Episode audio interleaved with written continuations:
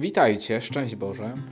Wchodzimy na nowy etap e, naszych poszukiwań, naszych rozważań o sakramentach świętych. Siedem wspaniałych. Dzisiaj szczególny dzień, bo pierwszy raz będziemy już mówić o samych sakramentach świętych. Nie będziemy tylko rozważali, jak one działają wewnątrz, tak po prostu, ale zaczniemy omawiać sobie poszczególne sakramenty. Dzisiaj troszeczkę już zahaczymy o chrzest, ale nie będziemy oczywiście w stanie tego tematu wyczerpać, bo temat chrztu myślę, że na pewno jeszcze jeden odcinek nam zajmie, a może nawet dwa albo trzy. Zobaczymy, jak to też wyjdzie. Dzisiaj taki temat wprowadzający w ogóle w ten temat z siedmiu sakramentów, dział drugi, rozpoczynamy.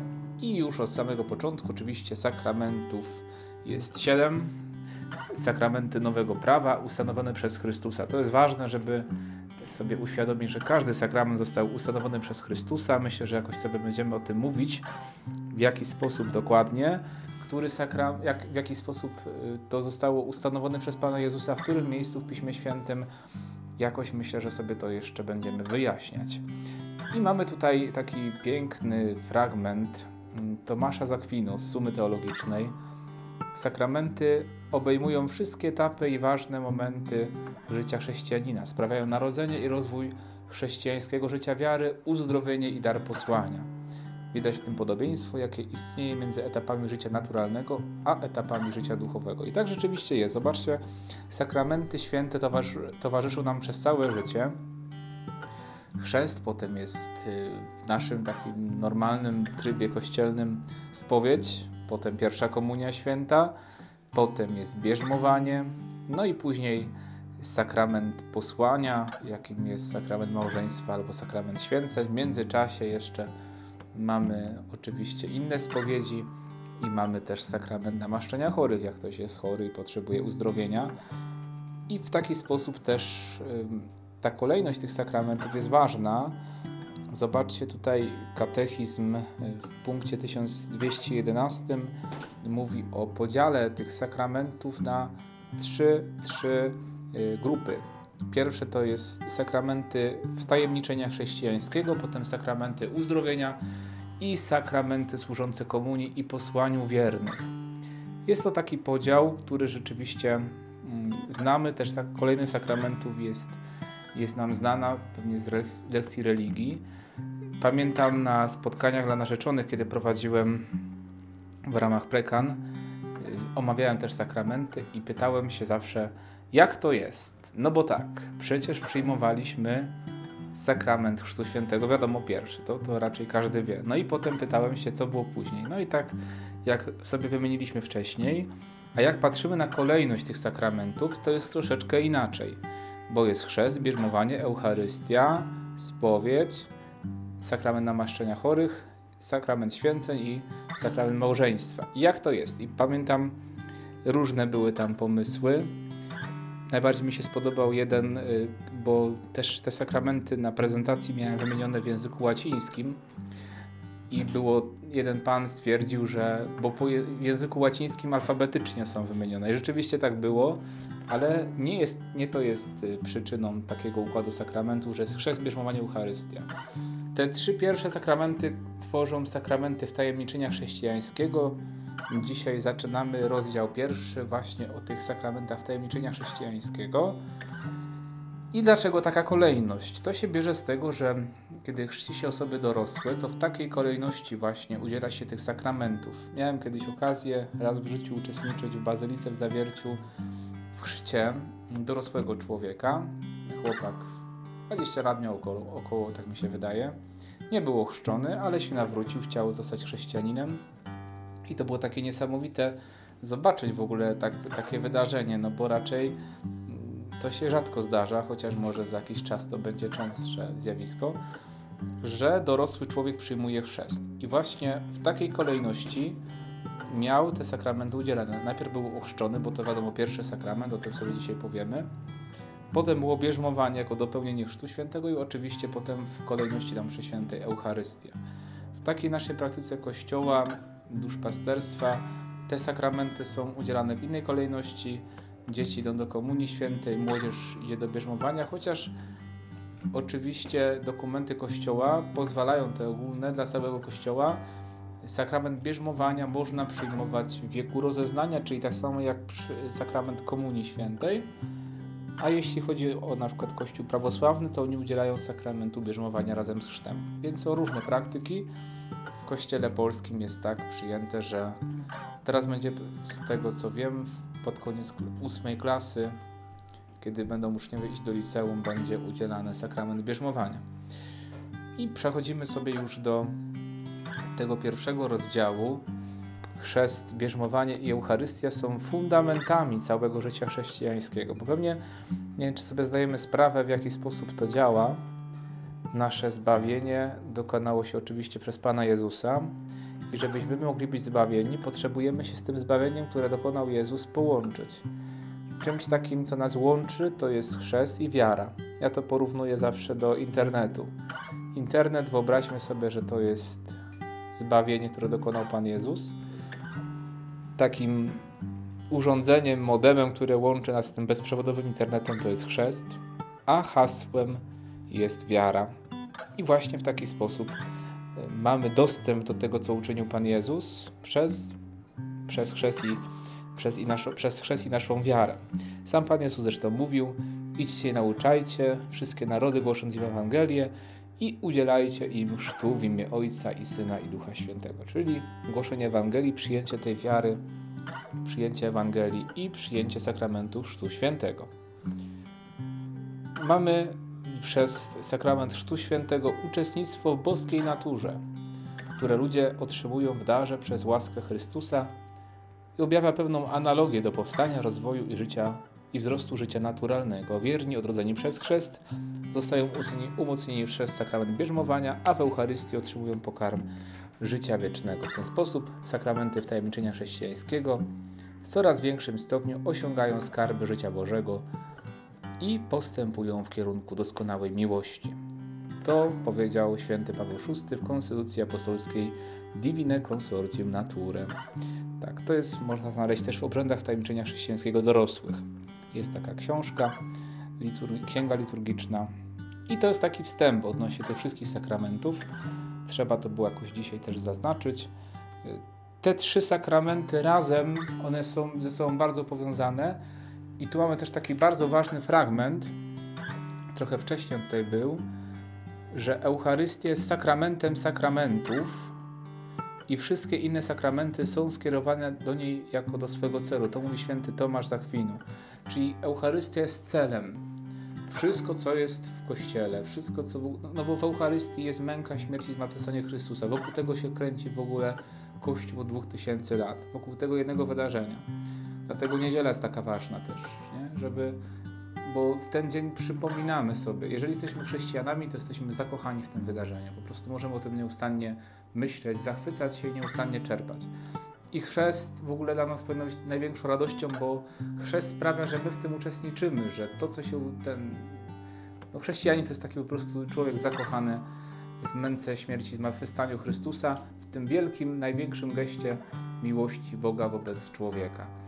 I dlatego Eucharystia to już jest w ogóle epicentrum wszystkiego, no bo tam mamy tego Jezusa obecnego fizycznie wręcz, tak? W chlebie eucharystycznym możemy go zjeść. To już w ogóle jest, przechodzi, że to, co tak kochamy, jest dostępne, że w ogóle my w tym uczestniczymy przez liturgię, łączymy się z tym, a potem jeszcze czerpiemy owoc z drzewa życia, jakim jest drzewo krzyża i spożywamy Jezusa.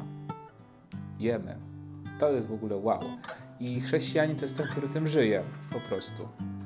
Nieustannie się zachwyca i czerpie z tego życia, bo to jest po to nam dane, żeby czerpać życie. I mamy tutaj pierwszy artykuł, bo to taki króciutki wstęp do tego rozdziału o chrzcie.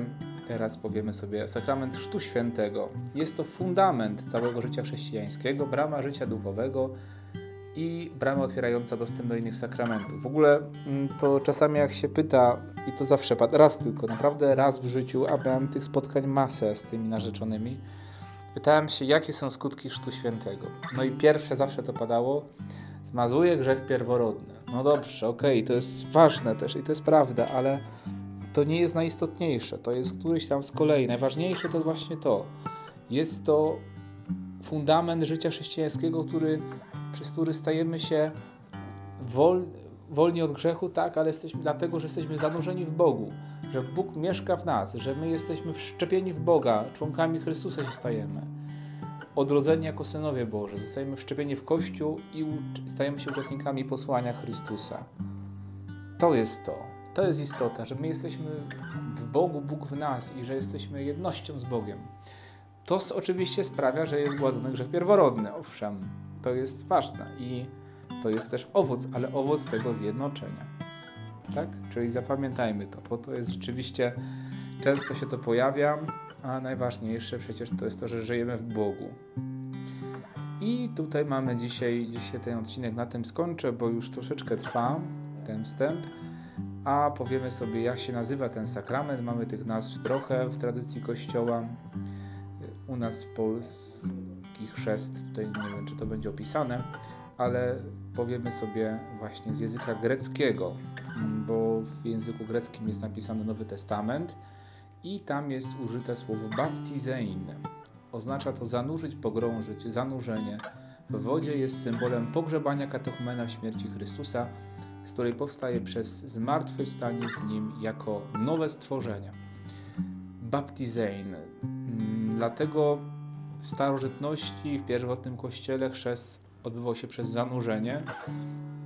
Też czasami na przykład wspólnoty, jak nie wiem, czy jak, neo, podejrzewam, że neokatechumena tak chrzci dzieci w taki sposób. U nas w kościele jest tak, w Częstochowie jest taki kościół jeden. Y, nie pamiętam teraz tego, tej nazwy, tego wezwania, a nie chcę się pomylić. Y, w każdym razie jest chrzcielnica w podłodze, baptysterium nawet można to nazwać i tam można dzieci też chrzcić, ale w ogóle mm, tak było kiedyś, że przez zanurzenie w wodzie. To rzeczywiście tak pięknie pokazywało, że jesteśmy zanurzeni w śmierć Chrystusa, trzykrotnie zanurzenie, takie to pokazywało to zanurzenie śmierć Chrystusa, a wyjście z, tego, z tej wody było odrodzeniem do, do, do zmartwychwstania. Zmar pokazywało, że z tej śmierci nas Chrystus wyciąga, stajemy się nowym stworzeniem.